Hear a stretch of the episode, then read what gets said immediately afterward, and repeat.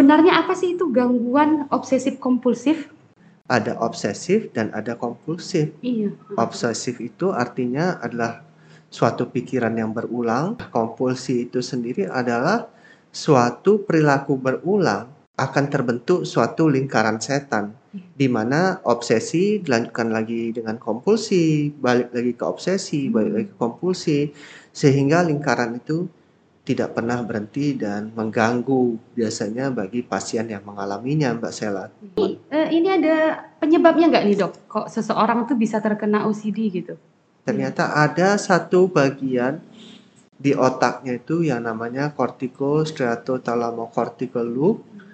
Nah, itu mengalami peningkatan yang tidak lazim dibandingkan dengan orang normal. Jadi gimana nih cara membedakannya? Oh kapan saya perlu ke psikiater gitu dok? Ya boleh boleh cuci tangan karena Iya. kekhawatiran. Ya. Iya benar. Dok. Jadi kalau di total total Mm-mm. dia itu sudah ada sampai dua jam sehari ya Mm-mm. hanya untuk mengurus itu saja Mm-mm. itu sudah harus pergi Menjumpai. jumpa ke dokter itu. Hmm, Gitu ya dok.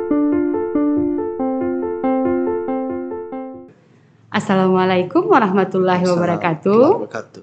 Salam sejahtera, salam sehat jiwa. Berjumpa lagi dengan saya Dr. Sela dalam acara podcast Seksi Ansietas PPPDS KJI dan pada episode kali ini kita akan membahas di masalah gangguan obsesif kompulsif atau yang paling sering didengar ini katanya OCD. Dan untuk membahas topik ini pada hari ini sudah hadir bersama kita Dr. Dr. Mustafa Mahmud Amin, Magister Kedokteran, Master of Science, Spesialis Kedokteran Jiwa Konsultan. Eh, gimana kabarnya hari ini dokter? Kabar baik, Mbak Sheila. Mbak Dokter. Sheila apa kabar? Alhamdulillah sehat juga dokter. Terima kasih nih dokter eh, masih mau berulang kali lagi datang untuk membagi ilmu tentang eh, pentingnya kesehatan mental nih dokter. Baik, terima kasih juga undangannya ya, Mbak Iya. Sheila. Terima kasih dokter. Jadi ini dokter, tadi saya udah utarakan hari ini kita bakal membahas masalah gangguan obsesif kompulsif. Eh, apakah saya mengalami gangguan obsesif kompulsif? Iya, Kenali tanda dan gejalanya nih dokter. iya. Baik, baik. Jadi ini dokter, sebenarnya apa sih itu gangguan obsesif kompulsif? Gangguan obsesif kompulsif itu sebenarnya adalah suatu gangguan yang berdiri sendiri. Dulunya memang gangguan obsesif kompulsif ini diletakkan di dalam satu ranah besar yaitu ranah gangguan kecemasan. Hmm. Tapi karena belakangan seiring berkembangnya ilmu kedokteran, khususnya ilmu kedokteran jiwa dan banyak kita yang semakin memahami mengenai gangguan obsesif kompulsif ini, maka diputuskanlah bahwa ini merupakan suatu gangguan tersendiri yang Hmm. ditandai sesuai namanya ada obsesif dan ada kompulsif. Iya. Obsesif itu artinya adalah suatu pikiran yang berulang, Mm-mm. Tidak bisa ditahan, tidak bisa dicegah, yang membuat orang yang memikirkannya itu menjadi cemas. Hmm. Nah, kompulsi itu sendiri adalah suatu perilaku berulang yang dilakukan oleh si pasien tersebut Mm. tujuannya adalah untuk meredam pikirannya yang berulang. Mm. Tapi pada kenyataannya yang terjadi adalah akan terbentuk suatu lingkaran setan di mana obsesi dilanjutkan lagi dengan kompulsi, balik lagi ke obsesi, balik lagi ke kompulsi sehingga lingkaran itu tidak pernah berhenti dan mengganggu biasanya bagi pasien yang mengalaminya Mbak Sela. Iya. Jadi sampai mengganggu keseharian si pasien gitu dokter. Benar, ya. benar sekali. Nggak Ini nyaman. eh, ini ada penyebabnya nggak nih dok? Kok seseorang tuh bisa terkena OCD gitu? Terima kasih. Jadi ya memang eh, gangguan obsesi kompulsif ini setelah diteliti kemudian dilihat bagian dari otak dan saraf pasien-pasien yang mengalami gangguan obsesi kompulsif ini ternyata ada satu bagian di otaknya itu yang namanya corticostriatothalamocortical loop.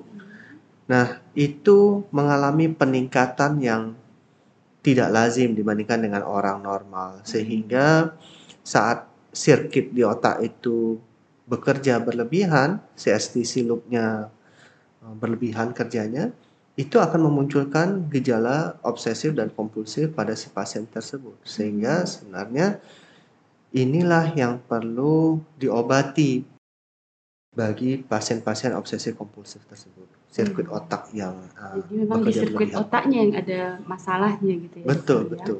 Tapi kalau untuk faktor resiko sendiri nih dokter, apa ada faktor resiko seseorang misalnya keturunan atau ada faktor-faktor resiko lain nih dokter yang bisa menyebabkan seorang lebih eh, rentan gitu dokter ya terkena OCD gitu.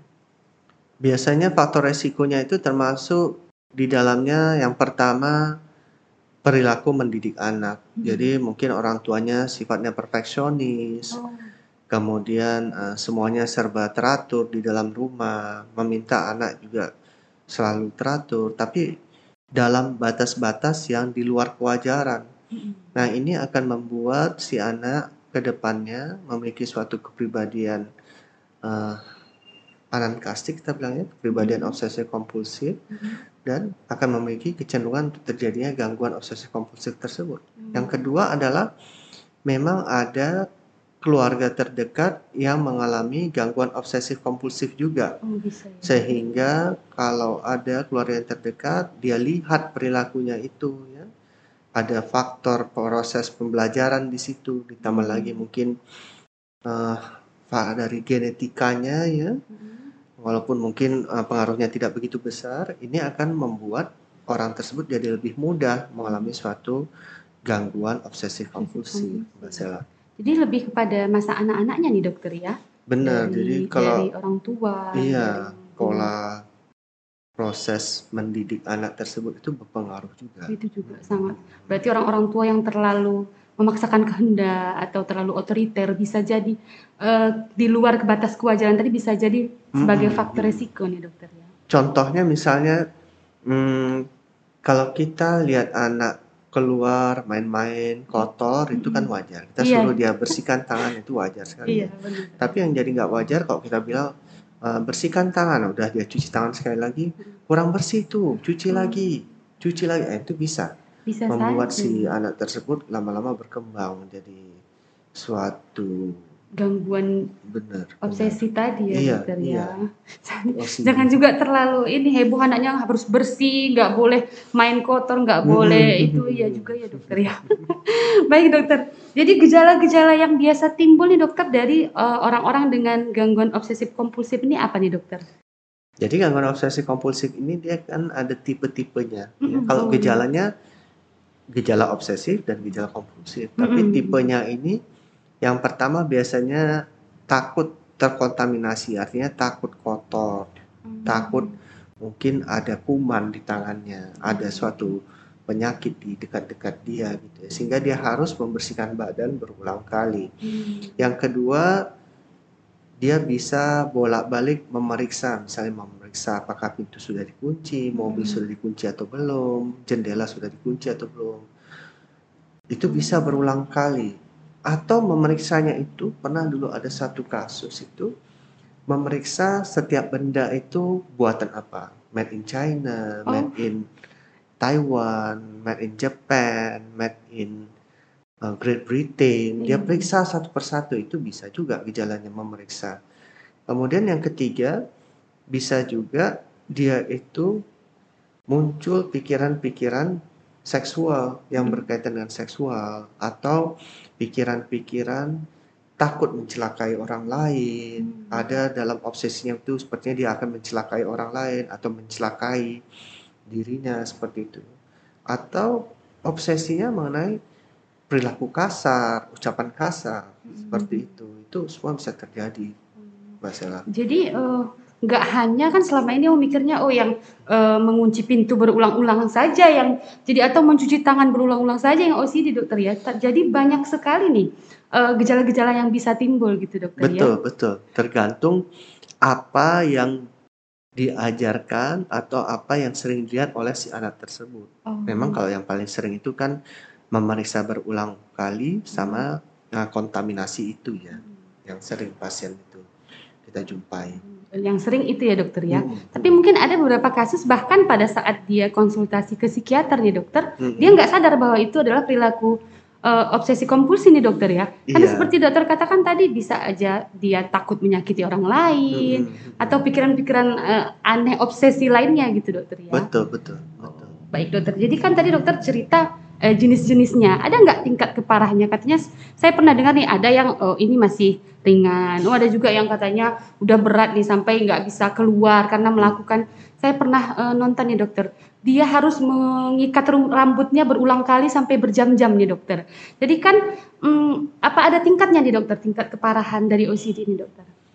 Biasanya kita menentukan tingkat keparahannya itu dengan memakai skala penilaian. Ada Hmm. namanya skala penilaian Yale Brown Obsessive Compulsive Scale ya. Hmm. Jadi dengan nilai-nilai tertentu setelah kita tanyakan kepada si pasien tersebut, maka kita akan mendapatkan bahwa ini pasien gejalanya berat atau Hmm. sangat berat seperti itu. Yang kedua, kita bisa nilai dari sisi waktu. Hmm. Ada yang berpendapat bila dia melakukan gejala obsesif kompulsifnya itu sudah terus-menerus lebih dari dua jam sehari ya, itu artinya sudah uh, parah gitu gejalanya ya, sehingga itu kan sudah mengganggu dirinya. Kalau saya pernah jumpa pasien yang di kamar mandi itu hanya untuk mandi pagi saja 4 jam, Mbak Sela ya. Karena dia bilang saya nggak puas dok kalau saya mandi hanya Hanya. sebentar saja. Oh, iya.